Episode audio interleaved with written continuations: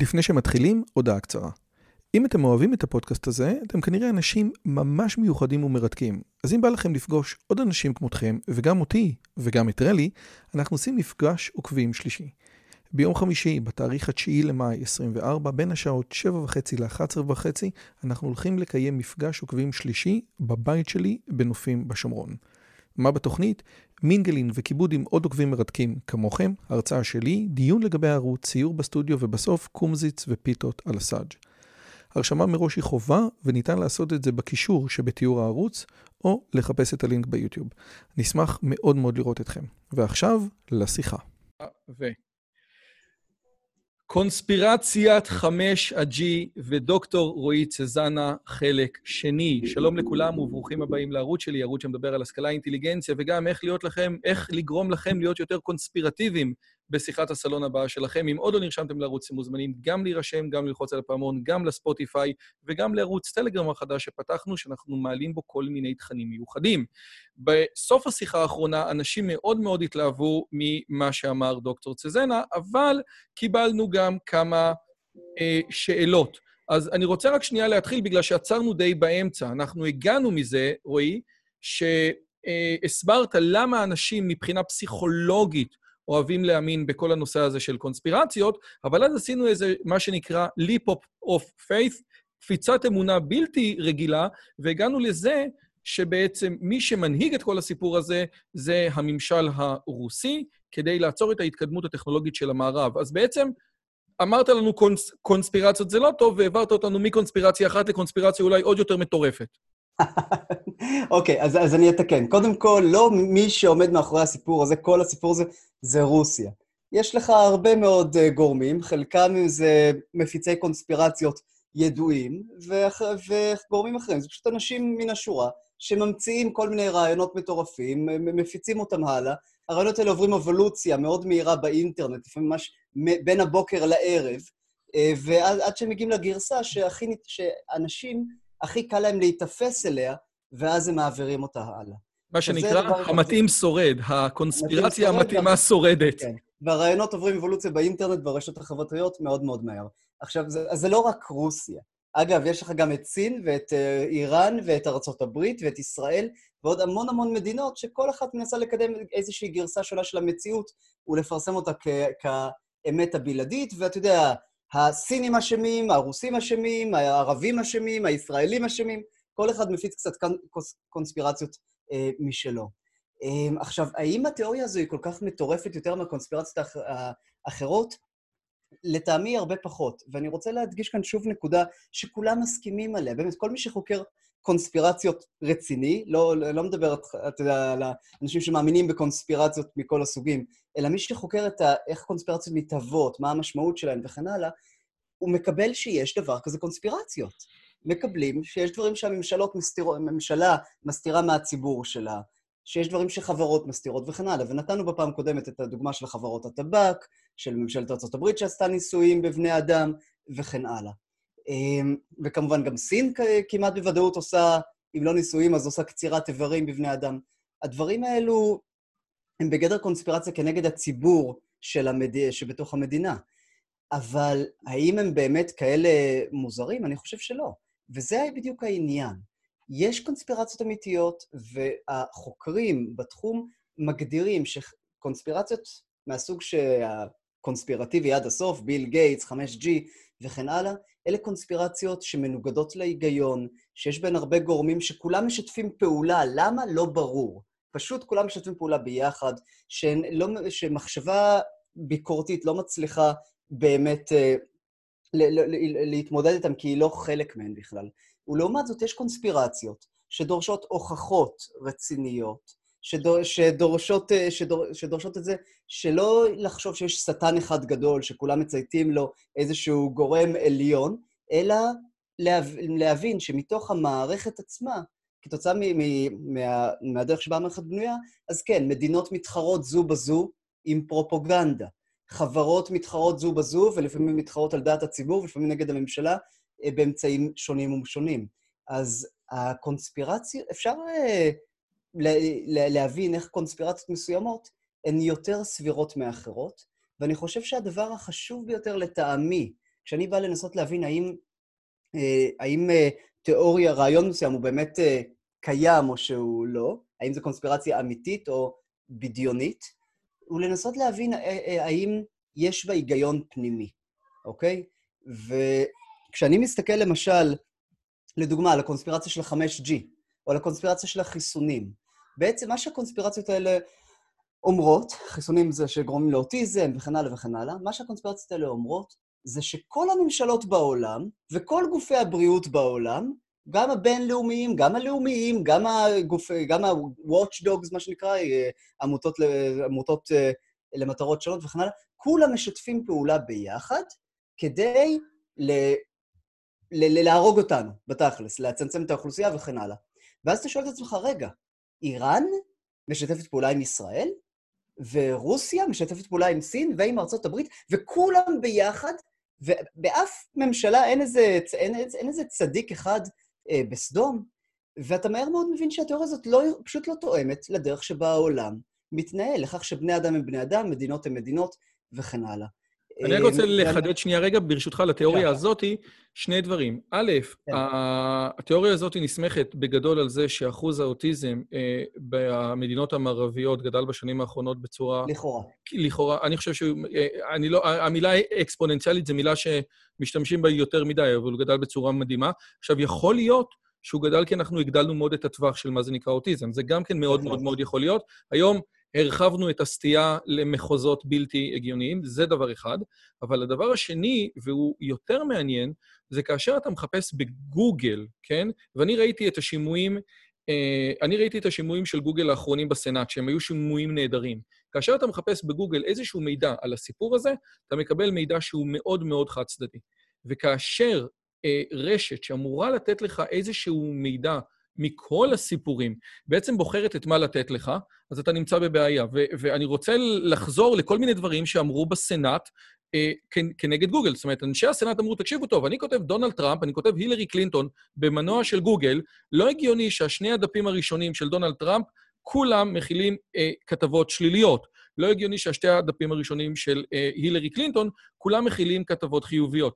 אם אתם תספרו לי שזה האלגוריתם ואף אחד לא נגע בזה, יהיה לי קשה מאוד להאמין. בייחוד שאנחנו מקבלים ממו של אחת בכירה בגוגל שאומרת, צריכים לעשות הכל כדי שהדברים, כדי ש-2016 לא יחזור. אז, אז הנה, בבקשה. ואלה דברים, ואלה דברים שקורים בסנאט האמריקאי.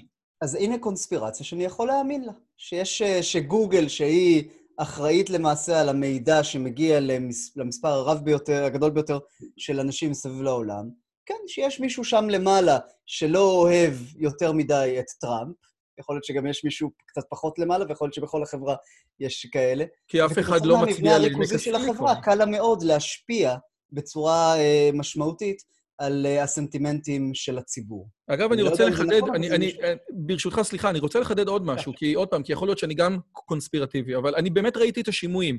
ישב שם איזה פסיכולוג, שהוא אומר, אני מצביע למפלגה הדמוקרטית, אני נגד טראמפ, אני בעד הילרי. אבל הוא אומר, אנחנו רואים שפייסבוק, בדרך שהיא מדברת, היא יכולה לשנות בין 3 ל-8 מיליון מצביעים. לצורך העניין, צוקרברג, ביום הבחירות ב-2016, תרגט את כל... הקהל הליברלי-דמוקרטי בפייסבוק, וכתב להם, לכו להצביע. זאת אומרת, אלה דברים שאנחנו יודעים, הדבר הזה גם לא עלה לו שום דבר. רגע, רגע, רגע, רגע, רגע. אני לא מכיר את זה, ואני עוקב בדרך כלל אחרי הדברים האלה. כתבתי ספר שלם על ההשפעות של הרשתות החברתיות. אז אני אשלח, אז, אז אני אשלח לך דיון בסנאט. זו האשמה מאוד מאוד אה, חמורה, ב-2016 דיון בסנאט, הדיון אני חושב היה ב-2018, אבל, אבל הדיון היה ממש לאחרונה בעקבות כל הסיפורים האלה, אבל אה, מגיע פסיכולוג שהוא חוקר רשתות, ואומר, תקשיבו טוב, אנחנו, אני מאמין שבין שלושה לשמונה מיליון, שלושה מיליון במינימום, שמונה מיליון במקסימום, רק באמצעות tweaking, כמו, והוא נותן דוגמה, מרק צוקרברג לוקח את כל הקהל שלו אה, אה, ומטרגט את הקהל הליברלי, וכותב להם ביום הבחירות, לכו להצביע. הוא אומר, הדברים האלה זה דברים שקורים, ועוד פעם, אני, דניס פרגר, לצורך העניין, סרטונים על עשרת הדיברות מצנזרים לו מיוטיוב. יוטיוב, מי שמכיר, הסטרייקים של יוטיוב היום מאוד מאוד בעייתיים. אתה אומר משהו שזז מילימטר מהנורמה, אתה לא מצליח... סט, סטיבן קראודר לא מקבל כסף מפרסומות ביוטיוב, כי יוטיוב סימנה אותו בתור איקס. וכל אחד אתה יכול לראות את סטיבן קראודר ולראות עד כמה התכנים שלו הם קונספירטיביים. אז הנה, בבקשה, אתה יודע מה? בוא אני אלך איתך ראש בראש. יש פה באמת אנשים של שטיפת מוחות, שליטה על מידע, ואנחנו רואים את זה בזה. אם אתה תגיד ביוטיוב שיש... ש... יוטיוב לא מאפשרת לקדם אה, סרטונים של בעד הריון, היא כן מאפשרת לקדם סרטונים של הפלות, וזה כתוב להם בחוזה, זה אפילו הם לא מתחבאים. מה קורה עם זה? זה לא לקדם אג'נדה, זה לא קונספירטיבי, זה לא לשלוט? רגע, אז, אז, אז אה, נ- פרה פרה. אוקיי. קודם כל, או לא קונספירציה, ה- קונספירציה. אני לא, אני לא מכיר את מקרי הבוחן המסוימים שאתה מדבר עליהם, ולכן אני לא יכול להתבטא אה, לגביהם ספציפית. אני כן אגיד, ואני כתבתי את זה כבר הרבה פעמים, שלרשתות החברתיות, או ליתר דיוק לחברות האינטרנט ששולטות ברשתות האלו, יש כוח עצום. בין שהוא כוח שמתבטא באופן ישיר על ידי, ה... על, על ידי מה מותר להגיד ומה אסור להגיד. אה, כושי, למשל, אין וורד, כן? באנגלית. אסור להגיד את המילה כן. הזאת. נכון, נכון. אני חושב, אני חושב שזה בעייתי מאוד, אה, ואני משתמש כאן, ואני עדין כאן, אה, אני חושב שזה בעייתי מאוד שישות אחת, שהיא לא דמוקרטית, שהיא לא, שאין, שהיא לא שקופה בכלל, אה, או מאוד מאוד קרובה ללא, להיות אה, לא שקופה, אה, היא בעצם שולטת לנו על השיח, בין שבאופן ישיר, כלומר, אסור לך להגיד כושי וקוקסינל, בין שבאופן עקיף, כלומר, מותר לך להגיד כושי וקוקסינל, אבל האלגוריתם באופן אוטומטי יוריד את, את הדירוג שלך ככה שאף אחד כמעט לא יראה את זה. אני חושב שאלו שיטות שבקלות מתחרות במשטרים הטוטליטריים. ה... אה, לא הייתי אומר הגרועים ביותר, כי תמיד יכולים, אתה יודע, הגרוע ביותר זה שבאים וקוצרים לך את האיברים. אבל פשוט משטרים טוטליטריים שמאפשרים, נותנים שליטה ל- ל- לאנשים שלמעלה. ולכן, אני רוצה להגיד, אגב, כאן, אני מאוד מעריך את צוקרברג. אני מאוד, אני באמת, אני חושב שהוא אדם גדול, אני חושב שהוא חושב מחוץ לקופסה, אני חושב, ש, אני חושב שהוא יוצר אימפריה גלובלית, ואני רוצה לעזור לו בזה. כי אני חושב שיש הרבה מה לשפר ב, בעולם. אבל באותה, אבל באותה נשימה, אני לא סומך על אף אחד של, כדי, מספיק כדי לתת לו כזה כוח בידיים, על אף בן אדם אה, לפחות. ולכן, כן, אני יכול להאמין לקונספירציות אה, כאלו שיכולות לקרות, זה לא... זה, זה, זה, זה, צריך לבדוק כל אחת לגופה, כן? אבל אני יכול להאמין שדברים כאלה יכולים לקרות, ועם זאת, שים לב, אפשר לעצור את זה. כלומר, אנחנו יכולים לדרוש שקיפות. הממשלה יכולה לדרוש שקיפות, במיוחד ממשלת ארה"ב, אבל גם ממשלת ישראל עד ל- ל- לרמה מסוימת. אה, הדברים האלו לא בלתי ניתנים אה, לעצירה. אגב, אז אני רוצה להתייחס למה שאמרת, או בעצם להגיב על זה. אתה אומר, אבל אני רק אגיד דבר אחד, סליחה? אני רק אנצל, פשוט אגיד דבר אחד. קרינה הון, פרופסור קרינה הון מהמרכז הבינתחומי בהרצליה, אה, כתבה על זה יפה כבר, ואמרה יפה, שלא יכולה להיות רשת חברתית, או אולי אני אגיד את זה אחרת, לא יכול להיות מדיום כלשהו, כל, כל ארגון, שאין לו הטיה פוליטית כלשהי, או שאין לו איזושהי אה, הטיה שקובעת מה אפשר להגיד ומה אי אפשר להגיד, ודיבר על זה יפה גם, אה, נו, ברח לי ה- מהראש עכשיו, הפסיכ... הפילוסוף הצרפתי שכת... שכתב נפלא על סטיות, ו... מישל פוקו. מישל פוקו, תודה רבה, על השיח וגבולות השיח, ועל כך שבאופן משתמע מדירים מגבולות השיח את מה שלא, את מה שלא רוצים שיהיה. אני מראיין עוד מעט איזה גברת שמתעסקת בפוסט-מודרניזם, והיא ביקשה שלא יהיה שום דבר בריאיון שקשור ללהט"ב, כי מקום העבודה שלה בסכנה. ואני חושב שרעיון כזה הוא רעיון סופר סופר בעייתי, בייחוד בחברה שאמורה להיות טולרנטית ופלורליסטית. אני רוצה לחדד עוד משהו לגבי מה שאמרת, לגבי זה שכל חברת מדיה חייבת שתהיה לה אג'נדה. הדברים האלה הם, הם, הם, הם אפילו ברמה המשפטית. בעצם הממשל האמריקאי, או כל ממשל, מבחין בין שני דברים. בין חברת סלולר, שהיא מספקת לך את התשתית, ואתה יכול להגיד מה שאתה רוצה.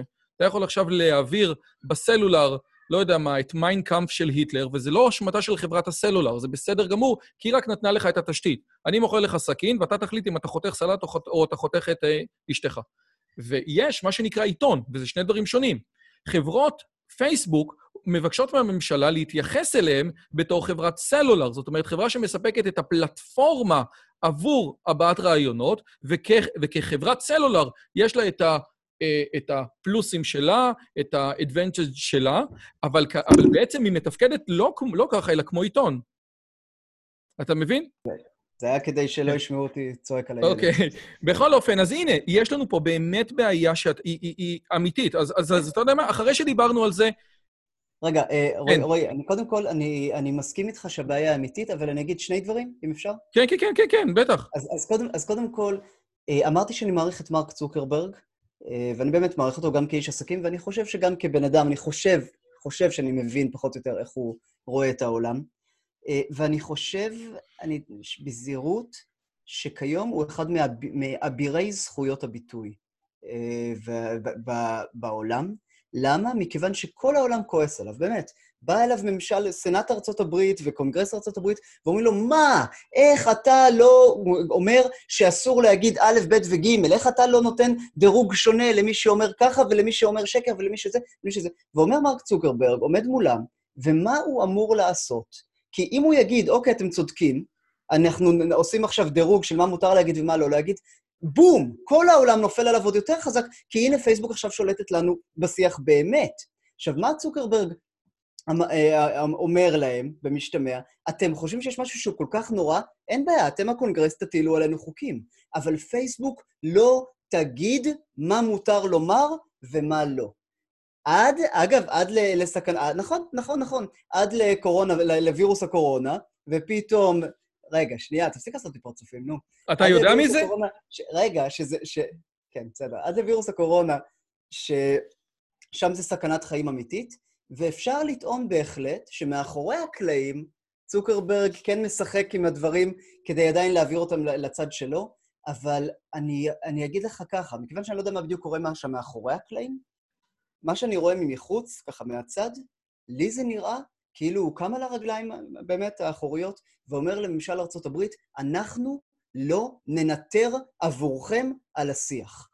אתם חושבים שיש משהו כל כך נורא שאסור להגיד אותו? תג... ת, ת, תציעו חוק לגבי זה. אנחנו דוגלים ברפובליקה, ברעיון המקורי של שוק חופשי של רעיונות, של שיחה, של דיון, של, אתה יודע מה, גם של צעקות לצערנו ושל קללות, אבל מתוך זה תופיע בסוף האמת, נגיע לאמת גדולה יותר. אז זה, זה הדבר ה... בסדר, יאללה, אנחנו קצרים בזמן, אז זה הדבר כן. שרציתי... אמרו חז"ל, אמרו חז"ל, אין לדיין אלא מה שעיניו רואות. ואתה אומר, אני לא יודע מה קורה מאחורי הקלעים, אני יודע מה קורה מלפני הקלעים. אבל מה שהסנאט אמר זה בכלל לא מה שאתה אומר. אתה בעצם, אני, סליחה, אתה אומר את מה שצוקרברג אמר, וזה מקסים, רק הסנאט שאל אותו שאלה אחרת. איך יכול להיות שמעולם לא סגרת דף פייסבוק של מתמודד דמוקרטי, ויש לנו רשימה לא קטנה של, דפים, של דפי פייסבוק של מתמודדים רפובליקנים שסגרתם, דפים עם מיליון עוקבים ומעלה. אז אל תספר לי, אומר הסנאט לצוקרברג, שאתה לא מנטר רעיונות. אתה באבי אביך מנטר רעיונות. אתה יודע שכל שאלה בסנאט זה בעצם נאום פוליטי. אז, ואין, לזה, ולא, ואין לה בהכרח הרבה קשר למציאות. אני, אני לא מכיר דפים דמוק, רגע, של רגע, דמוקרטים. אני רוצה לראות את הנתונים שהסנאט הראה לצוקרברג, אני רוצה לראות את התשובה של צוקרברג, אני רוצה לראות, לאסוף נתונים בעצמי ולראות את התשובות משני הצדדים, ואז אני אוכל לדבר על זה. אוקיי, לא יאללה. בכל אופן, אה, מה שבאמת מעניין אותי זה כזה דבר. אני צריך לדעת האם זה נכון או לא נכון. אתה אומר, זה יכול להיות, יכול להיות קונספירציה, אבל אנחנו גם צריכים להיות סקפטיים. יכול להיות שזה כן, יכול להיות שזה לא. יש לנו איזה כלי עבודה לאדם הפשוט להחליט מה, מה זה, כי עושה רושם שהממשלה מספקת... אנחנו נתנו פה את ההסבר המדעי. ההסבר המדעי אומר שהקרינה בתדרים האלה היא לא מייננת, ולכן, אין, ולכן זה הכל, הכל בסדר. העובדה שיש יותר אנטנות אומר שבעצם העוצמה שהן משדרות היא יותר נמוכה, ולכן צריך יותר אנטנות, מכיוון שבתדרים האלה הגלים אה, אה, מקבלים הנחתה. זה ההסבר שאנחנו מקבלים מגוגל. עכשיו אני אומר, אוקיי, יכול להיות שיש קונספט... איך אני בתור אדם פשוט יכול להתנהל מול זה ולהגיד, מהם השיטות שלי? מה אני עושה עכשיו? תשמע, התשובה העצובה והלא נעימה היא שבהרבה מקרים אתה לא יכול אה, לדעת ואתה צריך ל- לעשות שני דברים. א', להסתמך על מומחים, אה, וב', להבין את המערכת, אה, ולנסות להבין האם uh, המערכת באמת הייתה יכולה לאפשר לתופעות מסוימות uh, לקרות? אני אתן לך דוגמה, בסדר? אוקיי. Okay. Uh, בנושא של החיסונים, שוב, חוזרים, לח, חוזרים לחיסונים. אם דבר כזה היה נכון, סליחה, שחיסונים גורמים לאוטיזם ולאלף ואחת בעיות בריאותיות אחרות, היינו רואים את זה במחקרים. עכשיו, אתה, אתה יכול להגיד, אוקיי, אבל גופי הבריאות שולטים על המחקרים. אבל זה לא נכון. יוצאים לך עוד מחקרים, יוצאים לך הרבה מאוד מחקרים, מהרבה מאוד כיוונים שונים, אגב, של המתרס, שממונים על ידי הרבה מאוד גורמים שונים. אתה, באמת, זה לא הגזמה שיצאו אלפי מחקרים על החיסונים, אלפי מחקרים על, ה, על התופעות האפידמיולוגיות שמסביבם וכולי. אם היה משהו שהיה באמת גורם לחיסונים, אה, שהחיסונים היו עושים, גורמים לנזק דיספרופורציונלי, כלומר מעבר למה שידוע שאין מה לעשות, חיסון אחד למיליון כן יעשה איזשהו נזק, כן. זה תמיד ככה. כל דבר שאתה מזרק לגוף עושה, יש לו, יש לו בו סכנות. אמ, אבל אה, אם, אם, אם הייתה תופעה, משהו סיסטמי, אז היינו רואים את זה באחד מהמחקרים, והיינו רואים את זה ביותר מאחד, ועם כל הכבוד לכל, הצ... לכל מי שאומר שמחקרים ממומנים וכן הלאה וכן הלאה וכן הלאה, בכל זאת המדע כן מתקדם. היינו רואים מחקר ועוד מחקר ועוד חמישה ועוד עשרה ועוד עשרים ועוד מאה, וה mindset, הראש, היה משתנה. אבל שמע, כבר 25 שנים כמעט מאז שדיברו על כך שחיסונים גורמים לאוטיזם, לא מצאו הוכחות לזה, לא מצאו הוכחות לשום דבר, וקהילת המדענים כל הזמן רבה, רבה, רבה אחד עם השני, כדי למצוא את הדברים המעניינים, המדליקים, המיוחדים. כן, זאת, היו... זאת באמת נקודה שאני סופר מסכים איתך. הרי החוקר הצעיר, הדבר החשוב לו ביותר זה לפרסם.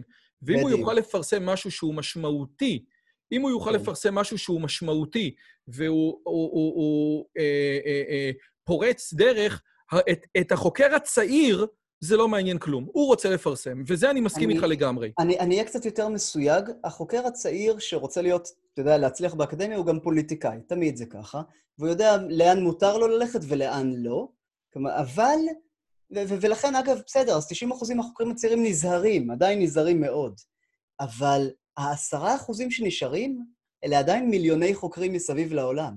אתה רוצה להגיד לי שאף אחד מהם, בכל זאת, אפילו מהחוקרים הצעירים, הנועזים, שכן מוכנים להסתכן, אף אחד מהם לא באמת מדבר, שרק הש... המטורפים שמחוץ לאקדמיה, ואתה יודע, כל מיני אנשים שמוכרים גם שמן נחשים על הדרך, וכל מיני, וכבד יענים, הם היחידים שבאמת מבינים את הקונספירציה כאן. תעשה לי טובה. זה, זה... אה, המערכת לא, המערכת לא תומכת ברעיון הזה. עכשיו, אתן לך דוגמה אחרת. אה, דוגמה לצד האחר, שאני לא אוהב אותה כל כך, אבל יש בה גם מן הצדק המסו... צדק מסוים. תסתכל על ההתחממות הגלובלית. או... אה, כן, אני יודע. אני, אני בקרוב הולך לראיין פה פרופסור שהוא בדעת מיעוט על הסיפור כן, הזה. כן, אני יודע, מהעברית. נכון. כן. כן. תראה, אני, אני אומר ככה. אמ, קודם כל, אני לא מומחה בהתחממות הגלובלית, זה חשוב מאוד לומר, ואני לא מומחה לשינוי אקלים או לאקלים באופן כללי. מה שאני כן מומחה עד כמה שאפשר, אה, זה בעתידנות, כלומר, לחשוב איך העתיד יכול לשנות, ולשם כך אני מסתכל גם על דוגמאות מן העבר. ואחד הספרים שאני מאוד אה, אוהב, הוא האופטימיסט הרציונלי של מאט רידלי, מדבר מאוד יפה על כך שגם במדע יש הרי את התקופות של הפרדיגמה שכולם הולכים אחריהן כי זה נותן יותר תקציבים וכן הלאה וכן הלאה. אמ, עכשיו, אנחנו יודעים שהייתה המון, היו המון סערות בעבר, למשל, לגבי הרעיון של הגשם החומצי, שחשבו שזה היו, היו צעקות, שזה יכחיד את היערות. זה בסדר, מסתבר שזה לא כזה, לא כזה נורא. האוזון, חשבנו ששכבת האוזון נעלמת לגמרי, תכף היא מתמוססת לחלוטין. זה, זה, זה באמת היה מסוכן. אגב, אני, מסוכן. אני, אני רק רוצה לתת איזושהי, רגע, איזושהי... רגע, הפסקה כדי להסביר על מה אתה מדבר בכלל, כי אנחנו לא פתחנו את זה ויש אנשים שלא מכירים. אני רק אגיד, הנושא של התחממות גלובלית, כולם מסכימים שבני אדם זה דבר שלא טוב לטבע, בגדול, כן? כבר אה. אמרו, שאתה יודע, אם בני האדם... לא, אם בני האדם ייכחדו, עוד 50 שנה הטבע יפרח. אם הדבורים ייכחדו, הטבע אה, ימות. זאת אומרת, בני האדם בתור... זה מה שאני חושב. לא יודע מי זה הטבע הזה שאתה מדבר עליו. לא, אם אתה רואה לצורך העניין, הדבורים, התפקיד שלהם במערכת האקולוגית יותר חשוב, לפי דעתי, מבני האדם. במערכת האקולוגית. בסדר, לא יודע מה זה תפקיד, ולא יודע מה זה בדיוק בדיוק מה... עולם בלי דבורים זה עולם שלא יכול להתקיים, עולם בלי בני אדם זה עולם שכן יכול להתקיים. אה, סליחה, כן. עולם בלי דבורים לא יכול להתקיים? כן. צמחים מסוימים, צמחים מסוימים, אולי הרבה מהצמחים ימותו, תהיה לך כאן איזושהי הכחדה המונית של 90 אחוזים מהמינים, אולי אגב אפילו יכול, להיות, יכול להיות שפחות, ואולי אפילו הרבה פחות מזה. אמ, ומינים אחרים אה, של צמחים ישגשגו ויחליפו אותם ויעברו אבולוציה והכל... העולם, העולם יהיה בסדר. אז אוקיי, בסדר, יהיה... אז אני אקח את הסיפור הזה. אוקיי, אני מקבל, אני לוקח בחזרה את הטענה. השאלה היא כזאת, א', זה שבן אדם עושה נזק, אנחנו יודעים. האם הנזק שהוא עושה הוא יותר, הוא באמת באמת משמעותי? זה דבר אחד.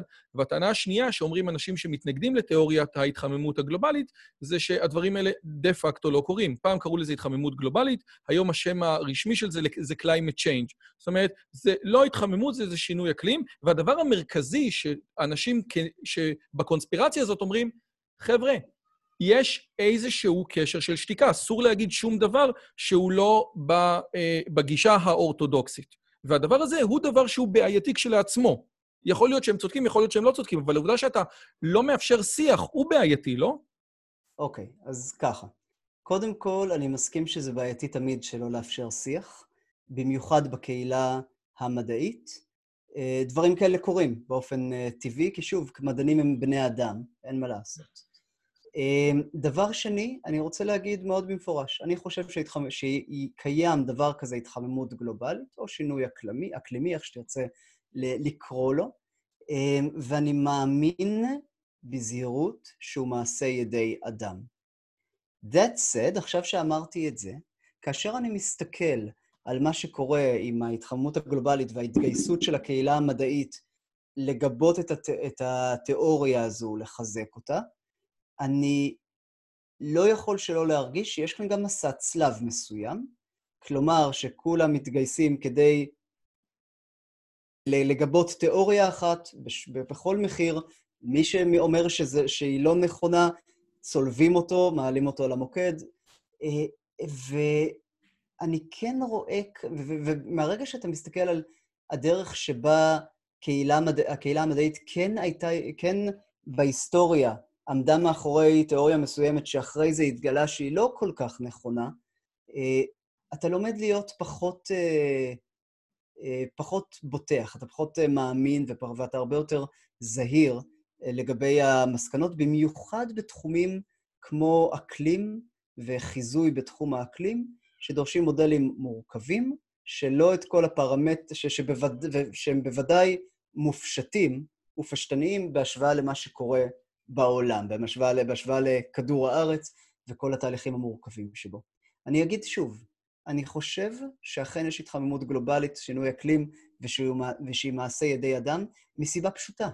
אין לי מספיק הבנה, אני לא מומחה אמיתי בתחומים האלה מהסוג שמריץ את המודלים וכדומה, ולכן אני לא מתיימר לטעון אחרת. אני כן אומר... אז מאיפה ש... מגיעה המחשבה הזאת? מזה שרוב המדענים בתחום הולכים על הכיוון הזה? מזה שרוב המדענים בתחום, ושרוב המחקרים שאנחנו רואים שמתפרסמים, עד כדי רוב מכריע של המחקרים שאנחנו רואים שמתפרסמים, אה, אומרים במודל. שהמודל הזה הוא נכון או נכון מספיק. עכשיו, ואם אה, זה ככה, אני, אין לי ברירה, כאדם רציונלי ושפוי, וכזה שרוצה להיות בטוח בעתיד שלו ושל הילדים שלו, מאשר ללכת אחריהם. אבל אני גם תמיד, מש... המדע שלי, אתה יודע, אני לא אדם דתי, לא לאלוהים ולא לתיאוריה מסוימת. אתה לא מדעניסט. משאיר, ואני משאיר את עצמי, אני כן מדעניסט. אני מאמין במדע כמתודה, כשיטה שהכי מצליחה לקרב את, את, את האנושות לאמת לאורך זמן, אמ, ותוך כדי כך שאני מכיר, גם בפגמים של השיטה, ובעיקר של האנשים שמבצעים את השיטה, שהיא לכאורה השיטה בסדר. גם של האנשים, גם של השיטה עצמה, אבל יותר, זה, זה בעיקר כתוצאה מהאנשים. ואגב, לא בן אדם אחד או שניים ספציפיים, פשוט מאופי של בני, של בני אדם ואופי של בני אדם שהם בקה, בקהילה או בעדר. ולכן אני הולך, אני כרגע מקבל את ההתחממות הגלובלית כעובדה, אבל אני משאיר את, אתה יודע, עדיין ספק, קצת ספק, ואני, ואני עדיין מחפש כדי, ומנסה להבין האם יש אפשרות שכן מדובר באיזושהי הליכה אחרי העדר. אז, אז יש לי שאלה, אז יש לי שאלה בדיוק, בדיוק על מה שאתה אומר. קודם כל, לגבי ההתחממות הגלובלית, המילה שהשתמשת בה, אני חושב שהיא סופר מדויקת, היה מסע צלב. עכשיו, זו מילה שמתארת את, את, את, בדיוק את מה שקורה בצורה מדויקת. עכשיו, אני יכול להבין, לצורך העניין, מסע צלב כנגד בחור כמו צ'ארלס מרי, שכתב את הספר עקומת הפעמון, ושם הוא אמר שחלק מההבדל באינטליגנציה בין לבנים ושחורים בארצות הברית הוא גנטי. ואז אתה אומר, דעה כזאת אומרת כנראה שהאוכלוסייה השחורה היא גנטית פחות חכמה, אולי זה אומר שהיא גנטית פחות טובה, והדבר הזה יכול לגרום לנו לסליפרי סלופ. וזה אני מבין למה בן אדם יחשוב שראוי לעשות מסע, מסע צלב לדעות כאלה. זה סבבה. הדבר אחד אני לא מבין, מה, מה ראוי לעשות מסע צלב לבן אדם שאומר שאולי בני האדם לא כל כך פוגעים בכדור הארץ? הרי זה לא אותו דבר כמו הלבנים והשחורים, זה שאלה אחת. שאלה שנייה, כשאתה אומר, אני מאמין... רגע, אולי נענה קודם על השאלה הראשונה, ואז... כן, כן, כן, כן, כן, כן, כן. אנחנו כן. נאבד את קו המחשבה שנינו. כן. אני נהנה מאוד במהירות. זה נראה לי מאוד הגיוני שאם אתה חושב שהדעות של הבן אדם, של הבן אדם שבצד השני יובילו לכך שלא יהיה, שפוליטיקאים ומדינאים לא יעשו שינוי בדרך שבה האדם מתנהל, וכתוצאה מזה אתה חושב שהילדים שלך ימותו, הנכדים שלך לא יזכו אפילו לחיות, כדור הארץ ייהרס, האנושות תחרב, נראה לי מאוד מאוד הגיוני שאתה תצא למסע צלב נגד האדם הזה והדעות שלו. ענית לי, תודה רבה. שאלה שנייה. עכשיו, אחרי הסיפור הזה, אתה אומר, אני מאמין למדענים שאומרים, בסופו של דבר, התחממות גלובלית. אבל...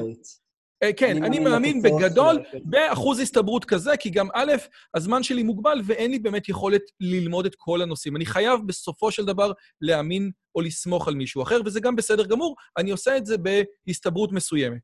הטענה שלי כלפיך היא כזאת, בסופו של דבר, א', זה לא רלוונטי אם אתה מאמין או לא מאמין, אין לך מה לעשות לגבי ההתחממות הגלובלית ברמה של האדם הפרטי, זה קודם כל. והדבר השני, גם ככה אתה נמצא עכשיו בצד הטוב, כן? זאת אומרת, אתה נמצא בצד שיותר דואג לעתיד. הטענה, או, או השאלה שלי, מה קורה אם בן אדם מאמין שה-5G לא מזיק? כי, כי הקהילה המדעית, רוב הקהילה המדעית אומרת את זה. אבל, כמוך, יש לו איזשהו סימן שאלה קטן. אולי יש, אולי אין. עכשיו, הסימן השאלה הקטן הזה הוא משמעותי מאוד ש, אה, שהעירייה מתקינה לו אנטנה מעל הבית. מה אז הוא יעשה? אתה מבין? הוא בגדול מאמין, אבל הוא קצת סקפטי, כמו שאתה אמרת, אבל הקצת סקפטי, הרמיפיקיישן, העונש של הטעות במקרה הזה, זה כמו ההימור של אה, פסקל. אם אתה כן. חילוני, כן? ויש אלוהים, אז העונש הוא ממש גדול. הבנו? זה בדיוק זה. עוד פעם, זה לא עליך, כן, אני לא מנסה... בסדר, הטיעון של פסקל מאוד מאוד רלוונטי כאן, למעשה. כי אתה יודע מה, איך, אני חושב שדוקינס בא והתנגד לו, למרות שסבר שגם וולטר בטח אמר משהו. אגב, בערוץ הזה כשאומרים דוקינס, אנחנו קמים ואומרים הוד קדושתו. הוד קדושתו דוקינס. אתה לא, לא עם הרעשן, הייתי מצפה בכל זאת. חס וחלילה, הרב הראשי של אנגליה, ג'ונתן סאקס, כל פעם שהוא אומר דוקינס, הוא אומר הוד קדושתו דוקינס. אמיתי. אתה עכשיו עושה את זה בצורה סרקסטית. לא, לא, לא, הוא, הוא, הוא אומר שדוקינס נהיה דמות... די, מה, רועי, אתה הורס לי את כל, את, כל, את כל הקונספציות על דוסים, מה קורה? דוקינס, דו, יאללה, כן, אז מה אמר דוקינס על הטיעון של פסקל? לא, לא יודע, לא זוכר כבר, אבל בכל מה, מה שעשינו ב-67, בכל מקרה.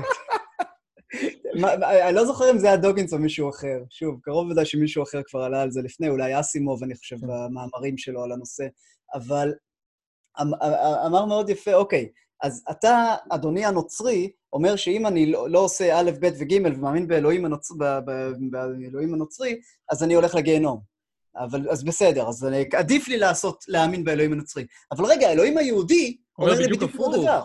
וכן, והאלוהים, ואתה יודע, ורוח הר הגעש של בני הפיז'י אומרת בדיוק ההפך. ו- כלומר, מהר מאוד אתה מגיע למצב שאם אתה רוצה להיות הכי בטוח, מה, מה- הכי צדיק מהאפיפיור והכי בטוח... אתה צריך להיות לא הכל. כן, אתה לא יכול לעשות שום דבר, אתה לא יכול לנשום אפילו. ולמרות זאת, הטיעון של פסקל בהקשר שלנו הוא מאוד נכון, כי יש לנו אחוז קטן עם עונש גדול. והטיעון של פסקל באמת מתאים פה, בהק- בהקשר הזה. אז אני, אענה- אז אני אענה לך על זה ככה, אם אתה אה, חושב שיש אחוז קטן של סיכוי ש-5G באמת עושה נזק, ואגב, אין מה לעשות, תמיד יש סיכוי כזה, נכון? כלומר, יכול להיות מאוד מאוד מאוד מאוד קטן, אבל יש סיכוי. אה, אף אחד לא, אני לא חושב שיש מישהו שמתכחש לזה. אבל אם אתה אה, מא- מאמין בזה, נשאלת השאלה, למה אתה גם לא אה, מתנזר מאכילת מאכלים שהם מהונדסים גנטית, זה דבר נוסף, ולמה אתה לא, לא, לא קונה רק מים מינרליים במקום לשתות מים עם פלוריד, ולמה אתה הולך לרופא כשיש סיכוי שהרופא הוא חלק מהאילומינטי, ולמה, הבנת את הרעיון, וכן הלאה וכן הלאה וכן הלאה. אם אתה מוכן להתייחס לאחוז הקטן הזה כאילו הוא היה אמת ושאתה צריך להיזהר ממנו, אתה מהר, ואתה, ואתה לוקח את השיטה הזו ומרחיב אותה על כל המציאות ועל כל הבחירות שלך, אתה גם לא יכול לחיות למעשה יותר בחברה האנושית. ולכן אני אומר ככה בזהירות, אתה יודע, אין, אין, קשה נורא לעשות כאן גנרליזציות, אבל uh, אני אומר שגם אם אתה חושב שיש סיכוי קטן שה-5G, רשת ה-5G, עושה נזק, ת, ת, ת, תנסה ל, ל... עד כמה שאפשר לכמת את הסיכוי, עד כמה שאפשר, כן? ותנסה, ותנסה ל, ל, ל, להבין, האם כל הפיזיקאים שמבינים בדבר, האם, האם, האם המערכת המדעית מגיעה למסקנות מסוימות, והאם יש מספיק ישויות מתחרות כאן שדוחפות לכיוונים שונים כדי שיהיה שיח אמיתי, כדי שלא כולם ילכו כמו עדר אחרי צד אחד? האם, האם, האם הרשויות הממש, הממשלתיות עושות את העבודה שלהן כמו שצריך בעולם, ועוצרות התקדמויות טכנולוגיות שעלולות לפגוע באוכלוסייה? ואני חושב שהתשובה לזה היא בהחלט כן, במיוחד אגב בישראל, עם, אה, עם מכון התקנים ומשרד התקשורת ודומיהם. ואם כל הדברים האלה נכונים, הרי שהסיכון כאן הוא, כל, ש, שבאמת מי שיש איזו קונספירציה, הוא לטעמי כל כך כל כך קטן, שאין טעם להתייחס אליו, ואם העירייה מתקינה לך אנטנה על, הג- על הגג, תבדוק עם העירייה, תבדוק שאתה יודע, תבדוק שהעירייה יודעת מה היא עושה, תבדוק שהממשלה יודעת שהעירייה מתקינה לך על הגג. אם, אם הממשלה בסדר עם זה, כנראה שהמצב... אה, כ, כנראה שזה בסדר. אני שונא, אגב, לתת את ה... בסופו של דבר, את התשובה, אם הממשלה עושה את זה, זה בסדר, אבל שוב, אם הממשלה היא במדינה מתפקדת היטב, שמבתי המשפט, הרשות השופטת, נלחמת ברשות המחוקקת, ושתיהן ביחד נלחמות ברשות המבצעת, הרי שמתוך כל הלוחמה והיריבויות האלו, אמור לצאת לך, אמור, אתה אמור לקבל תוצאה שבה האזרח... יש איזונים ובלמים. כלומר, איזונים לגבי- ובלמים. לגבי זה מה לא תמיד שאתה עובד, אומר... עכשיו, עכשיו עצור, עצור כן. זה לא תמיד עובד, ואתה יודע, אין מה לעשות, שאנחנו חברה אנושית. שום דבר לא עובד במאה אחוזים, אבל זה מספיק קרוב ל- לוודאות בשביל האזרח הקטן, כמוני וכמוך. אז אני רוצה אולי להגיד את מה שאמרת בצורה אחרת, כי אני מרגיש, כמו שאמר, כמו שאומרים בספר הכוזרי, המעשים שלך רצויים, אבל הכוונות שלך לא רצויות. כאילו, אני עושה את זה בפרפרזה. למעשה, המסקנה שלך היא טובה, אני מסכים. בסופו של דבר, כאשר הסיכוי קטן, ובן אדם כל הזמן הולך נגד הסיכוי הקטן, הוא באמת לא יוכל לחיות. אם אתה כל הזמן תשאל את עצמך האם נעלתי את הדלת או לא נעלתי וסגרתי את הגז, יש לזה שם, זה נקרא OCD. ואם אתה גם, יש לך OCD ואתה גם דתי, זה סי- סיוט שלא ברא השטן.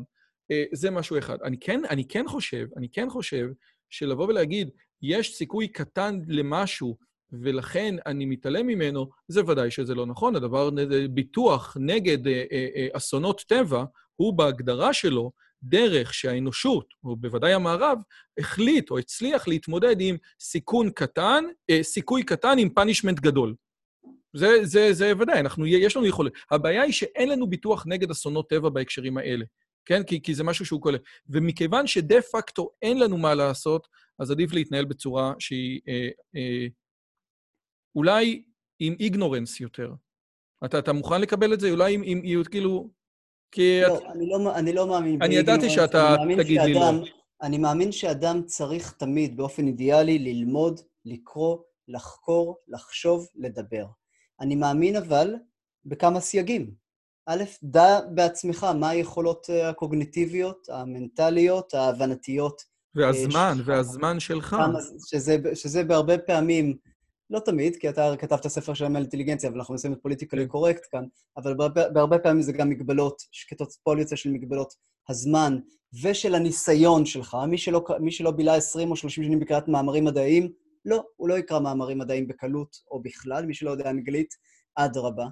אה, דע אה, מאיפה לאסוף את המידע.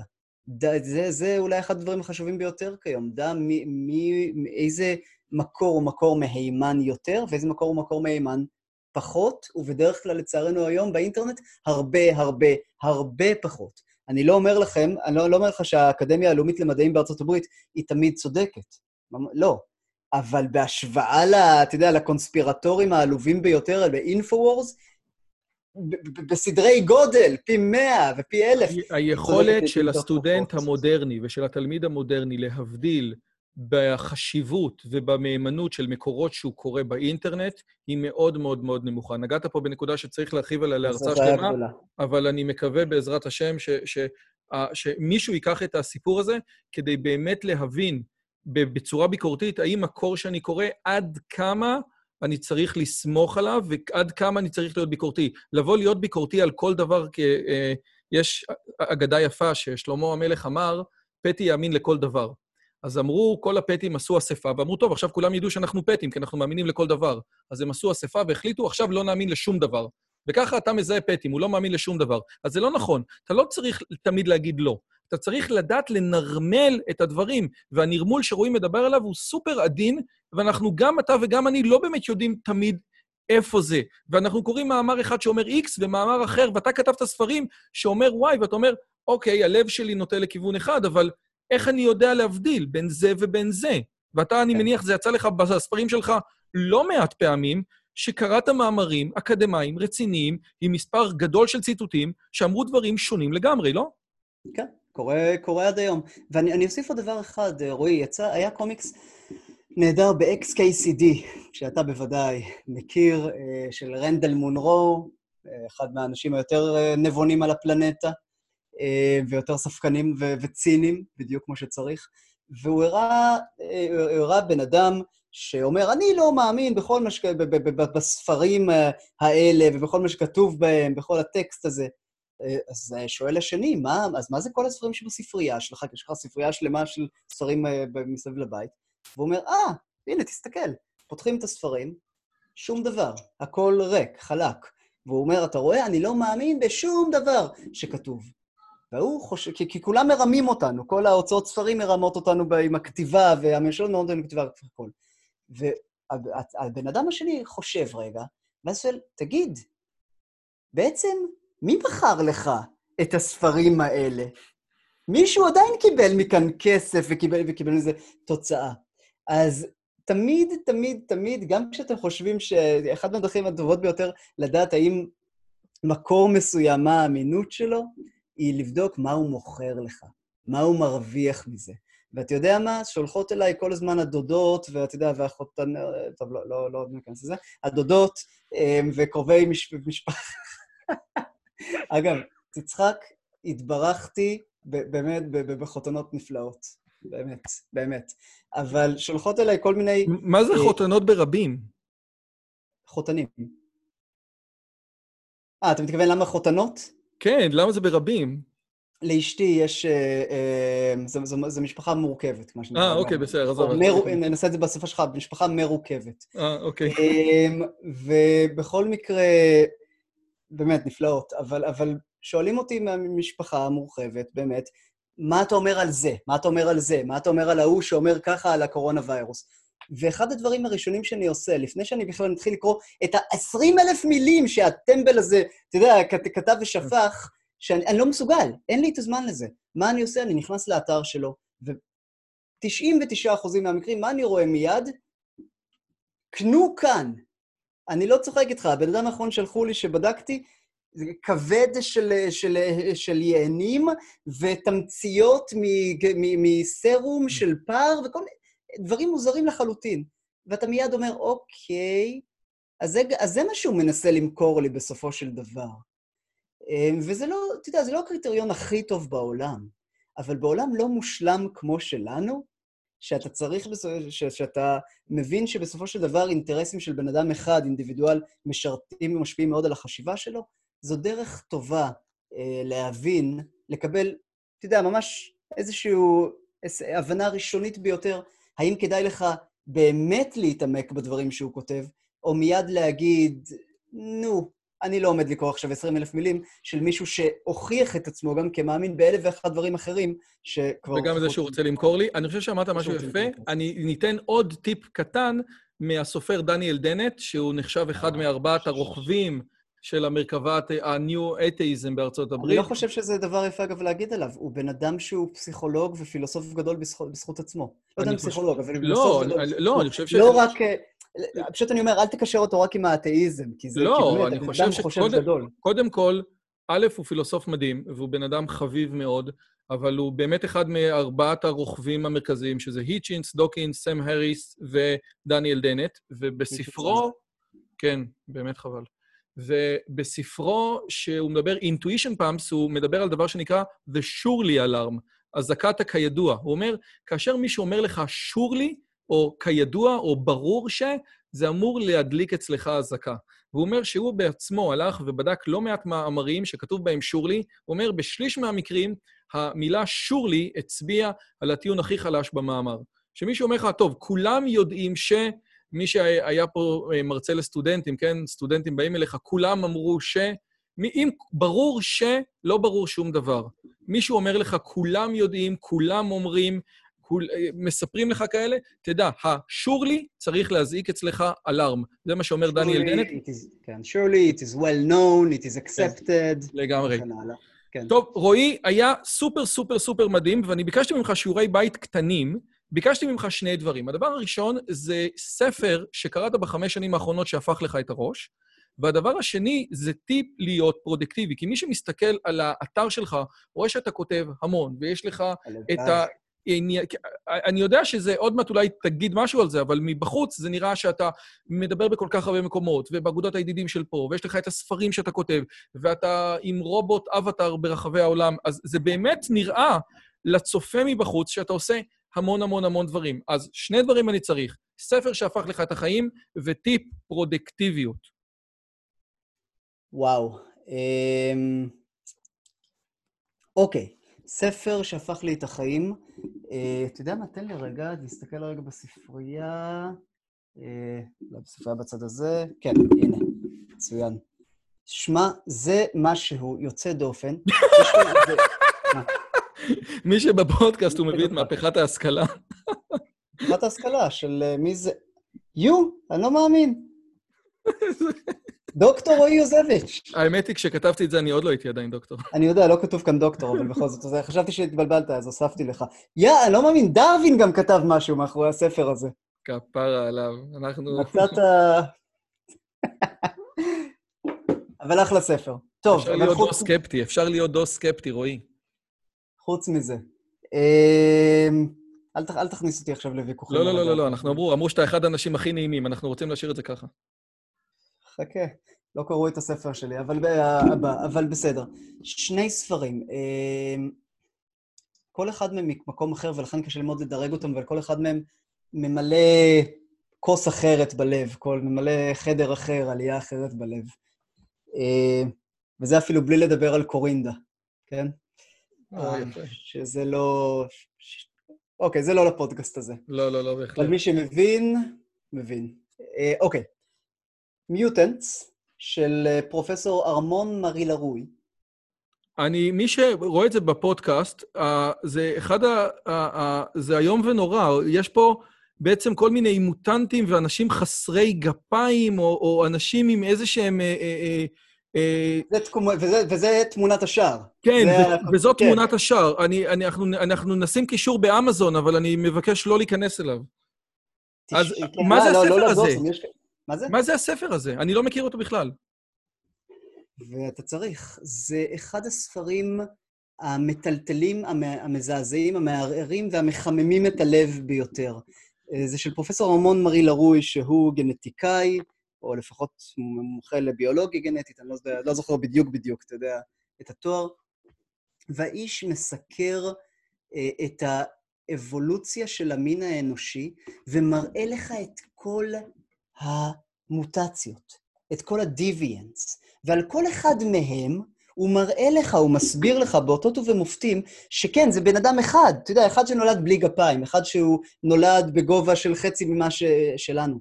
אבל אם העולם היה שונה רק קצת, ואתה יודע, היה, היה איזשהו... והדברים מתנהלים קצת אחרת, כולנו היינו נראים ככה. וזה היה נראה לנו ברור מאליו, והכי הכי הגיוני שככה הדברים נראים.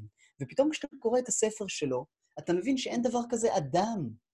אתה מבין שיש מערכת ביולוגית מורכבת, שאם טוויק אחד היה קורה בטעות לפני אלף שנים, אלפיים שנים, חמישים אלף שנים, כולנו היום היינו נראים אחרת, היינו חושבים אחרת, היינו מתנהלים אחרת, ואפילו דברים כמו זכר ונקבה, אתה פתאום מתחיל להבין כמה שזה פלואידי, כמה שזה ספקטרום נרחב שהכל יכול אה, לקרות לאורכו. אנשים, אגב, יש כאן תמונות מדהימות וציורים מדהימים, אנשים, למשל, עם שיער על כל הפנים. האיש הזה בן אדם אמיתי. כן. אנשים עם שיער על כל הפנים, יש פה כל מיני כן. דברים מעניינים. בעצם מה שאתה אומר, אם אני מבין נכון, זה שבתהליך האבולוציה דברים קרו בצורה כל כך מדויקת, כל כך עדינה, שכל אה. סטייה לכאן או לכאן הייתה מביאה אותנו למקום אחר לגמרי לגמרי. אה. זה בעצם מה שאתה אומר. או... אפשר, לה, אפשר להגיד את זה ככה, אני לא רוצה להתחייב ולהת, ולהתנבא, אבל אה, כן, אתה לומד להבין כמה הדרך שבה אנחנו קיימים היום כבני אדם, היא לא מה שהייתה חייבת, זה לא מה שהיה חייב להיות. ואגב, אתה לומד גם, אתה, אתה יודע, כמה מינים של נמלים יש, או כמה, כמה, יש אין ספור, אלוהים יודע, אני לא יודע, כמה מינים של, חי, של חרקים וכן הלאה וכן הלאה. כמה מינים של בני אדם יש, או של הומנואידים יש? היו עשרים בערך במיליון השנים האחרונות, משהו כזה. כן. כולם נכחדו חוץ מאחד. זה דבר די מדהים כשאתה מבין פתאום עד כמה הקיום שלנו הוא פרג'ילי וכמה הוא יכול היה להשתנות. אני רוצה להגיד שבספר שלי, אני ראיתי שבאחד המאמרים האחרונים שלך ציטטת מ Genesis, כן? אז אני... איפה? באתר, ציטטת איזה משהו מ Genesis על המקקים. היה לך איזשהו ציטוט מ Genesis, מספר בראשית, כן.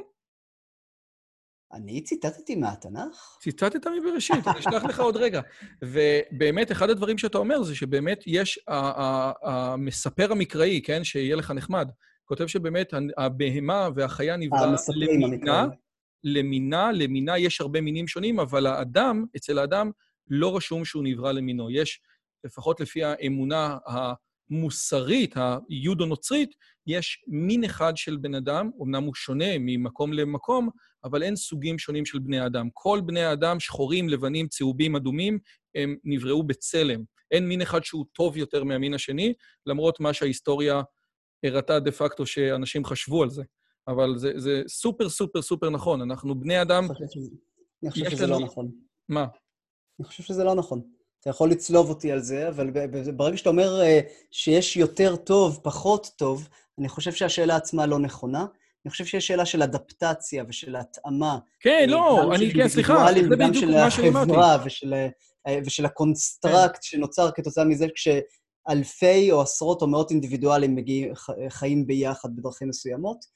אין לי ספק שאפשר לשפר את המין האנושי כך שיהיה מותאם יותר אה, לתנאים מסוימים סביבתיים, אה, או לטכנולוגיות מסוימות וכן הלאה. כן, אז סליחה, לא זה, סליחה, זה בדיוק מה שהתכוונתי. יש אנשים שבעצם, יש אנשים שהותאמו, שהסביבה שלהם, האבולוציונית, הפכה אותם להיות מותאמים יותר למקומות מסוימים או לסיטואציות מסוימות, אבל עדיין האמונה המוסרית היא שהם אותו מין של בן אדם. זה הכל, זה, זאת האמונה המוסרית אוקיי. בהקשרים okay. האלה. אבל אוקיי, זה היה מוטנט, מה הספר השני? ספר השני, אה, רגע, זה נחמד שיש לי את הספרייה כאן ככה ליד ה... תקשיבו, אני אשלח לכם גם קישור לספר של מוטאנס ועוד כל מיני דברים, זה ממש, אני מסתכל עליו עכשיו, זה נראה באמת מטורף. מי שיודע לקרוא באנגלית, זה, זה לא רק זה, הבן אדם גם כותב כמו מלאך. הוא מסוג האנשים שאתה קורא את הכתיבה שלו ואתה אומר, אני לא יכול לעשות את זה, אבל איזה מזל שקראתי. איזה יופי. מה, מה השני? הספר השני, אה, האופטימיסט הרציונלי של מאט רידלי. ודיברנו עליו היום. כן, אני, כן, על מאט רידלי דיברנו וגם על הספר אני חושב, אבל אתה יודע, מי ששמע את מה שאמרתי היה יכול להגיד, אוקיי, נו, מאט רידלי, מה מכחיש התחממות גלובלית וכולי. אז קודם כל, לא, הוא לא מכחיש התחממות גלובלית, הוא כן שואל בצורה שאני חושב שהיא הגיונית, מה המשמעויות שלה, כמה היא עולה לנו, וכמה היא תעלה לנו, ומה הצעדים שאנחנו צריכים לעשות, ומנסה לעשות איזשהי חישוב. אני חושב שהחישובים שלו לא נכונים. אני חושב שהוא, מפ... שהוא ממעיט בחשיב... בהתחממות הגלובלית ובכמה, אתה יודע, אה, בהשלכות המתגלגלות שלה. זה גם נכתב לפני מעריך... הקורונה. כן, אבל אני מאוד הזה. מעריך את, הר... את, הר... את הניסיון שלו לחשוב בצורה כמותית ורצינית. אגב, כמו אורי כץ, מי שמכיר, דוקטור אורי כץ, הרבה מהרעיונות שלו אני לא מסכים איתם, אבל, אני, אבל אם, אם אתה לא מסתכל על הדברים מבחינת מבט אה, שהיא מנסה להסתכל על הנתונים ולנסות להבין מה המשמעויות, אי אפשר אה, לדבר באמת. מה האופטימיסט הרציונלי? מה, על מה הספר הזה? הוא אגב הבסיס לספרים של גדולים אחרים, כמו הנס רוזלינג, אה, שכתב את הספר Factfulness, וכמו סטיבן פינקר, שכתב את... נו, ממש לאחרונה. מה זה כן, כן, Enlightenment Now. שבעצם הם אומרים, חבר'ה, כן, האדם מבין, עשה נזק לטבע, לעולם באופן כללי, למערכת, ערער את המערכת האקולוגית, אבל תראו כמה דברים טובים אנחנו עושים, תראו איך בעצם, אם הטכנולוגיה תמשיך להתקדם, אם אנחנו נמשיך לא להאמין בה, אתה יודע, ככה סתם, זה לא סולושניזם, זה לא שאתה מאמין בטכנולוגיה והכול יסתדר. הגרמנים, אנחנו יודעים מה הם עשו עם רכבות, למשל. אבל כל עוד אנחנו מוכנים לקבל שאנחנו יכולים גם להועיל, שהטכנולוגיות שלנו יוכלו גם לשמש כדי לתקן את הנזק שעשינו, וכל הסימנים, אגב, הולכים לשם, שאנחנו, הטכנולוגיות של ההווה והעתיד אה, עומדות לתקן את הנזק העצום שעשינו. אה, כל עוד אתה מקבל את זה, אתה, אתה, אתה לא תשקע אחורנית. כי מה שקורה היום, ואני, אלוהים אדירים, אתה לא מבין, רועי, זה נורא. אני הלכתי, אגב, סיפור אישי לרגע. אני הלך, הזמינו אותי, כבוד עצום, הזמינו אותי לפני שנתיים וקצת לאנטרקטיקה. אה, כן, לשש שעות שם. מדהים. אה, אני, לגמרי, לגמרי. זה, זה היה לפני שהמטוס ההוא התרסק, לפני חצי שנה, אתה זוכר? והבנו פתאום כמה זה מסוכן. אבל אה, כן, הטיסו אותי לשם ל, ל, לנכוח באיזשהו טקס של ממשלת צ'ילה, ואז הטיסו אותי בחזרה לצ'ילה כדי להשתתף בקונגרס העתידים של הסנאט. מדהים, משהו, מבצע מדהים של כל הממשלה, שאחר זה גם הטיסה את כל האנשים שם מסביב לצ'ילה כדי שידברו. אמ, ו... ובקונגרס העתידים הזה כל שנה הם מזמינים את 100 האנשים החשובים ביותר, המעניינים ביותר וכולי, הוא-הו, הידד, איזה כיף לי. מה אני מנסה לומר? כל, כל יום כזה האכילו אותנו בארוחת צהריים, כל האנשים החשובים, המעניינים והכול. אנשים מבריקים, באמת באמת מבריקים. ואני יושב עם, עם עוד איזה עשרה אנשים כאלה מסביב לשולחן, ומה אני שומע מהם שוב ושוב ושוב? הכל רע. העולם הולך להיהרס. בני האדם מזיקים, הורסים את הטבע, הורסים את האדם, מלחמות יהיו, ונזקים יהיו, ו... וואו! ו- ואני אני, אני בפה פעור, פעור, כי אני יודע, באמת, גם מכל הנתונים שאני קורא, גם מהספרים היותר אופטימיים שאני קורא, אני יודע שהדברים דווקא משתפרים. זיהום האוויר יורד, בעיקר, בעיקר בערים.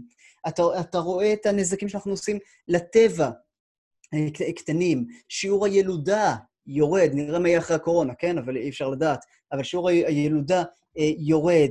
היכולת שלנו להפיק מזון, להפיק אנרגיה, רק הולכת וגדלה. ואני, ואני הרי חוקר את הדברים האלה 150 שנים אחורה, אני מסתכל על מה שהיה. כל הזמן, 200 שנים, אני רואה כל הזמן את אה, חוזי העתיד, הנביאי הזעם, הנוראיים, הכל רע, הכל יהיה גרוע, הפחם ייגמר, ואז הנפט ייגמר, ואז, יהיה, ואז, ואז אנחנו נהרוס את הסביבה וכן הלאה. ובכל פעם, בכל דור ודור, אתה רואה את התחזיות שלהם מתערערות כתוצאה מזה שהטכנולוגיה מתפתחת, שמאפשרת לנו להתקדם מעבר לבעיות האלו. ואני עמדתי שם מול האנשים האלו, ואני שאלתי אותם, חבר'ה, מה אתם חושבים? אומר ילד ששומע אתכם מדברים. כשיבוא ילד בן 16 ושומע אתכם מדברים איך הכל רע, איך אין לנו סיכוי, איך הכל, הכל באמת זיפט, מה, הוא ילך וינסה עכשיו לתקן את העולם? אתם האנשים החכמים ביותר בעולם, ואתם אומרים שהאדם הורס הכל. הוא ילך, ו... הוא ילך ויהרוג את עצמו. הוא ילך ויגיד, לא אכפת לי, ויזרוק קליפת בננה ברחוב, כי די, אין טעם. זה מה שבני אדם עושים בתגובה לייאוש ולחוסר האונים שמפמפמים לנו בעיתונות, שמפמפמים לנו אה, האנשים ש... ש... שמחשיבים את עצמם לחכמים. אה, ולכן האופטימיסט הרציונלי הוא הראשון, לפני כמעט עשר שנים יצא, והוא, אפילו יותר אני חושב, אבל הוא הראשון מבין הספרים שנותנים לך גם תחושה שמשהו יכול להשתפר, ומסמכים את התחושה הזו בהמון, המון, המון, המון מחקרים, עדויות, אה, וגורמים לך לראות את העולם אחרת. גורמים לך לפתח תחושה לא רק של אופטימיות, אלא של העצמה, של עוצמה שיש לי את הכוח להצטרף למהפכה הזו של תביא את האדם למקום טוב יותר. זה, ולכן כל אדם צריך לקרוא את הספר הזה, וגם את הבאים אחריו, שהם הרבה יותר עדכניים, של, שוב, Factfulness של הנס רוזלינג, ו-Enlightenment Now של סטיבן פינקר. אז את זה נשים את הקישורים. לפני שנגיע לעצה של הפרודקטיביות, א', תודה רבה על, שני, על שתי ההמלצות. אני כן אגיד שתומאס מלטוס, הכומר המפורסם שדיבר על נגד חוקי העניים, דיבר על זה שאם הממשלה תעשה חוקי עניים ותיתן כסף לעניים, הם יולידו יותר ילדים, ואז לא יהיה לנו כסף להאכיל אותם, ולכן עדיף לעצור עם זה עכשיו. וכשאנחנו כן. מסתכלים על ה-GPD, אנחנו מסתכלים על, ה, על הצמיחה, מהרגע שמלטוס דיבר, אנחנו רואים שמה שקרה זה דבר מטורף לגמרי, או כמו שפרופסור נדב שנרב אומר, תעשה יותר ילדים, כי יש סיכוי שאחד מהם יפתור את בעיית העוני בעולם. או תאמין ביכולות של המין האנושי, ואולי זה משהו שיותר מדבר אליך, תאמין ביכולות של המין האנושי, שיוכל לפתור את הבעיות שאנחנו מת, מתמודדים איתן בהווה, שיוכל לפתור אותן בעתיד, נכון? ואני חושב שעל כן, וכך אמר, אמר גם הגרח הרשב"ד, שאם אתה מאמין... מי זה הרשב"ד? שאפשר לקלקל, תאמין גם שאפשר לתקן. אה, יפה, יפה. טוב, ועכשיו... אתה לא היחיד שיכול לצטט מהכתבים. בסדר? או, הנה, בסדר. הנה, אז אפשר, אז אפשר, ברוך השם. כן. תגיד לי... הדרך הרשב"ד ישטוף. כן, שתהיה בריא. ש... תן לי טיפ לפרודקטיביות. אנחנו דיברנו לפני, ואמרת לי שאתה לא מרגיש... אה, אני אומר את זה ברשותך, כן? אמרת, אני לא מרגיש זכאי, אני לא יודע איך אמרת את זה, כן? מה אני אתן? הלוואי שהיה לי טיפים על פרודקטיביות. אני חושב שזה אחד הדברים הכי מתסכלים, שאנשים שהם סופר פרודקטיביים, אנשים שמטיסים אותם לצ'ילה כדי להיות, אנשים שהם אחד מהמאה העתידנים הגדולים בעולם, אנשים כאלה מתבאסים שהם צריכים לתת טיפ על פרודקטיביות, כי הם מסתכלים על עצמם ואומרים, הלוואי שהיה לי טיפ. אז ממש חשוב לקחת את הסיפור הזה. אנחנו שמים פה בערוץ אנשים סופר רציניים, סופר מוכשרים, שתדעו שאותם האנשים האלה, ורועי הוא אחד מהם, כאשר אומרים להם, תן לי טיפ של פרודקטיביות, הם אומרים, הלוואי שהיה לי כזה. יש, לא, יש לי. הלוואי שהייתי מיישם אותו בעצמי. תראה, אני אענה לך על זה כרגיל בשתי תשובות. א', דיוויד אפסטין כתב ספר יפהפה לאחרונה ששמו Range, שאני, שאני מאוד ממליץ לכולם לקרוא אותו. אני לא בטוח שהוא לגמרי מדעי לחלוטין כמו שהייתי רוצה, אבל הוא, יש בו אנקדוטות מרתקות, ובאמת יש בו, יש בו תיאוריה שהיא מעניינת ושחשוב להבין, שאנשים המצליחים באמת, בסופו של דבר, הם אלה שיש להם טווח, הם אלה שמנסים הכל ולומדים הכל, ובסוף הם מחליטים, מחליטים במה להתמקד, ולפעמים אף פעם לא מחליטים. וזה בסדר, הם האנשים שמביאים לשינוי בסופו של דבר. אני צריך לקרוא את זה, אני צריך לקרוא את זה. כן, אני יודע, נכון? אני עושה כאן הכללה נוראית, אבל כן. שוב, הספר מרתק וכדאי לקרוא. אחד הדברים, אחד המחקרים שהוא מתאר בספר הזה, אני חושב שזו תופעת הדארק הורס או הבלק הורס, אני לא זוכר בדיוק, אמ, בדיוק, בדיוק, אבל שהלכו וראיינו 50 אנשים מצליחים באמת ובתמים, ושאלו, ומה שגילו זה שהם כולם בטוחים שהמסלול שלהם, הם כולם אמרו, המסלול שאנחנו עברנו, בשום פנים ואופן אל תנסו לעשות את זה בעצמכם. כי אנחנו טעינו בכל כך הרבה דברים עד שהצלחנו להגיע למקום שהוא נכון, ואם רק היינו יודעים מההתחלה, היינו הולכים לשם ישר והנה היינו מצליחים. ולכן כל אחד מהם אומר, אני דארק הורס, אני מיוחד, אני... באמת, היה לי מזל. הם מתביישים בעצמם ובזה שהם אה, לא הלכו לפי הספר, שאתה צריך לעשות תואר ראשון, תואר שני, תואר שלישי, פרופסורה, למות, אה, כלומר, אתה יודע, ממש לפי, בצורה הנכונה. ושוב, מי שכתב את המחקר הזה ממש אמר ב, ב, בהתפעלות, שהוא שומע את אותם הדברים בדיוק מכל, מכל האנשים המוצלחים האלה, ושזה כל כך, שהם כל כך נבוכים מזה שהם הצליחו. אז זה נורא מעניין בפני עצמו, וזה אולי קצת מתקשר לדעה שלי על עצמי, אבל, כי אני גם מנסה הכל, ואתה יודע, אני לא יודע עדיין אם הצלחתי, אבל אני מנסה וממשיך לנסות. אני כן אגיד ככה, בעבר נהגתי להמליץ לאנשים שתהיה להם מוטיבציה. אני עדיין מאמין בזה. אני חושב שבלי מוטיביישן וגריט, אה, חשיקה, חשיקת שיניים, יכולת להמשיך במסלול וכן הלאה, אה, קשה מאוד להצליח במשהו, אבל אני כבר לא חושב שזה הגורם החשוב מכולם, ולכן אני הולך בעקבות uh, המלצה מאוד יפה שקראתי בספר של סקוט אדמס, uh, שהוא... אדון, uh, זה שמכפר את הדילברט. אז זה שמאייר את, כן, עם דילברט, ואגב, תומך טראמפ גדול מאוד גם. הוא בחור מקסים, אני שמעתי אותו מדבר כמה פעמים, הוא גב גבר. הוא מרתק, הוא מעניין, הוא משעשע. והוא לא אומר, אה, יש לו ספר איך להיכשל בכל דבר ועדיין להצליח, נכון? זה זה. אני חושב שזה הספר שקראתי. כן. אני לא הייתי לוקח שום דבר שאומר כמובן מאליו, כי גם מצאתי בספר הזה כמה המלצות שנראו שהן בעייתיות מאוד, אה, ובא... והוא בן אדם לא מוסרי, להבנתי. אמ, זה לא דבר רע בהכרח, אבל אתה צריך לדעת מה המשמעות של זה, ואתה צריך להחליט האם אתה רוצה להיות כזה.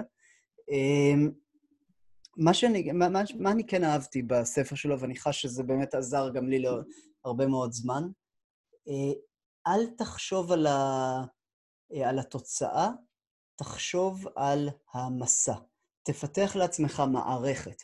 או כפי שכתב יפה ברנדון סנדרסון ביצירות המופת שלו, um, The Way of Kings, uh, Journey Before Destination. Journey before destination, strength before weakness, life before death, um, סוג של סלוגן. הנקודה היא אבל היא כזאת, תתרכז במסע. אתה יכול אני אסביר, אני אסביר. לפרוט לי את זה? לפרוט לי את זה? כן, כן, כן, כן, אל תדאג, אני משתדל שלא להישאר בקלישאות.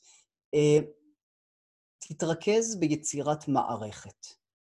אל תגיד, אני רוצה להיות עשיר גדול, אני רוצה להיות חכם גדול, אני רוצה להיות סופר גדול. זה נחמד שאתה רוצה, אבל מה שאתה באמת צריך לעשות זה מערכת. זה לה, להגדיר לעצמך שכל יום אתה מוציא חצי שעה בכתיבה וחצי שעה בקר... בקריאה. עדיף להפך, כן? עדיף בסדר ההפוך.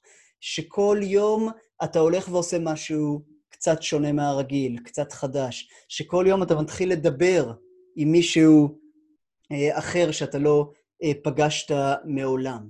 מה שחשוב באמת זה המערכת. כי מה שאנחנו רואים, אגב, גם בעולם האקדמי, אה, אצל פרופסורים יש אחוז דיכאון גבוה בצורה נוראית, כי הם הגיעו לחלום. הם הגיעו, הם השלימו את כל מה שהם רוצים, הם הגיעו, אתה יודע, ואז הם שואלים, מה עכשיו? ואין להם תשובה.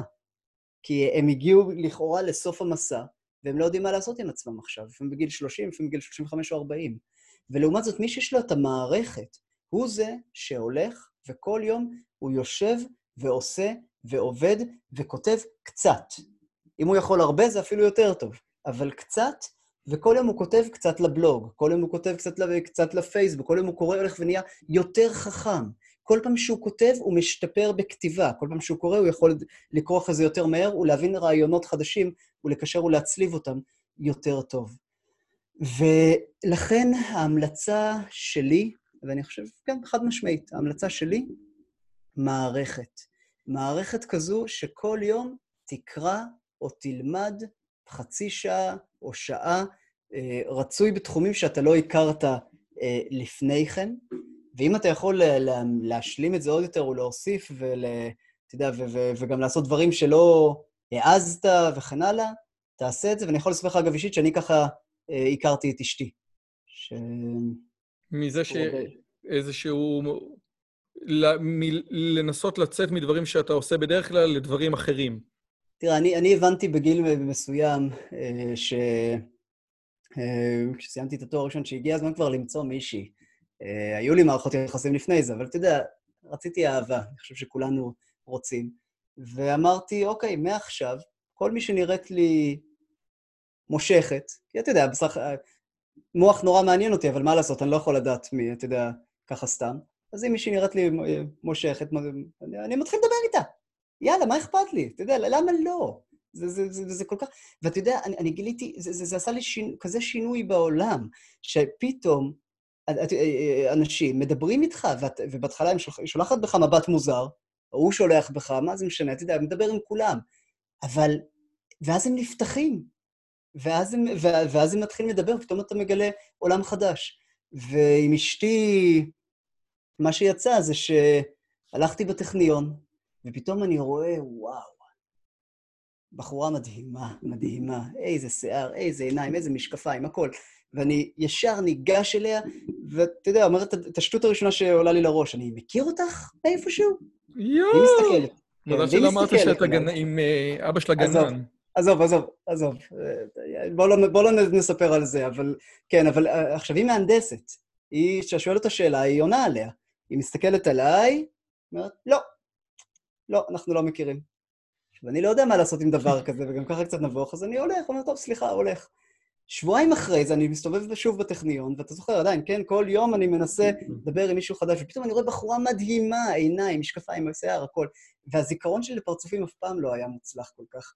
ואני ניגש אליה, ואני שואל, תגידי, אני מכיר אותך מאיפשהו? והיא מסתכלת אליי, כן, מלפני שבועיים. יש לה זיכרון יותר טוב ממני. אז אתה יודע, זה עוד יותר מביך, אז אני, אוקיי, אוקיי, סליחה, קם והולך. שבועיים אחרי זה, אני שוב מסתובב בטכניון, ופתאום אני רואה בחורה, מה זה מדהימה, משקפיים, עיניים, שיער, ניגש אליה, תגידי, אני לא... והיא עוצרת אותי, כן, מלפני שבועיים ומלפני חודש. תן לי את המספר שלך ואני אתקשר לך כשיהיה לי נוח.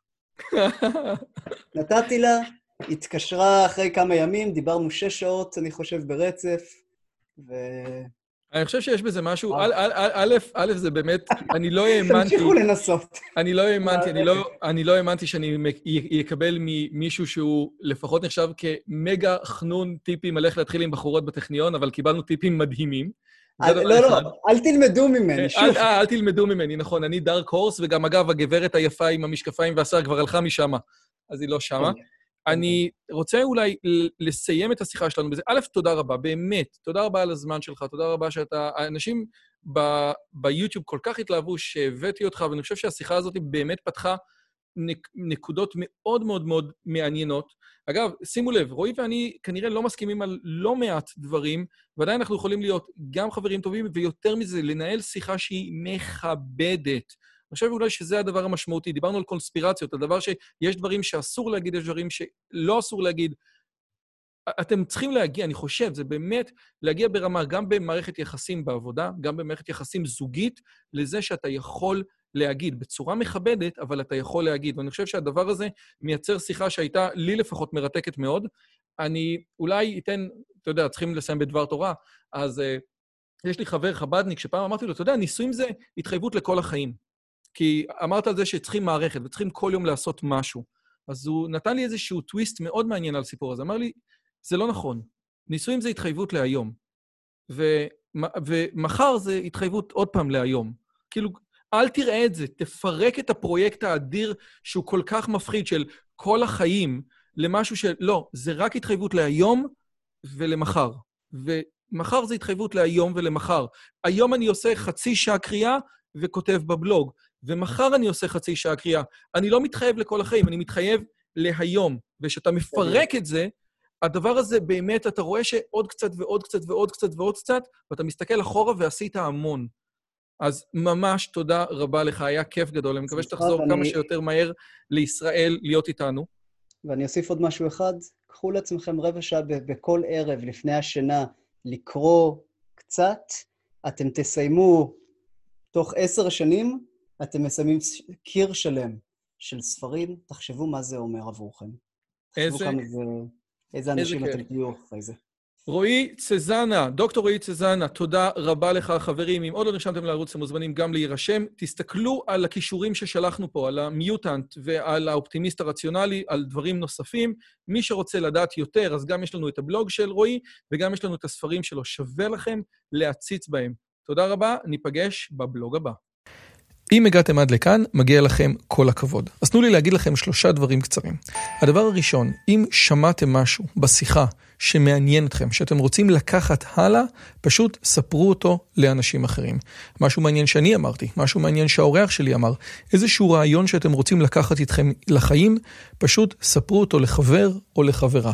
זאת הדרך הטובה ביותר לזכור את הרעיונות מתוך השיחות האלה. הדבר השני, אם אתם רוצים לקחת חלק בקהילה שלנו ולפגוש ולדבר עם אנשים כמוכם, אתם מוזמנים לערוץ הטלגרם שלנו, שווה לכם מאוד. פשוט תראו עוד אנשים שמתעניינים מדברים מגניבים בדיוק כמוכם.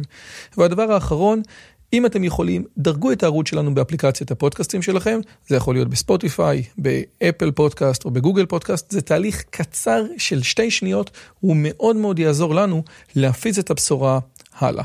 שיהיה לכם כיף גדול וכיף בשיחה הבאה.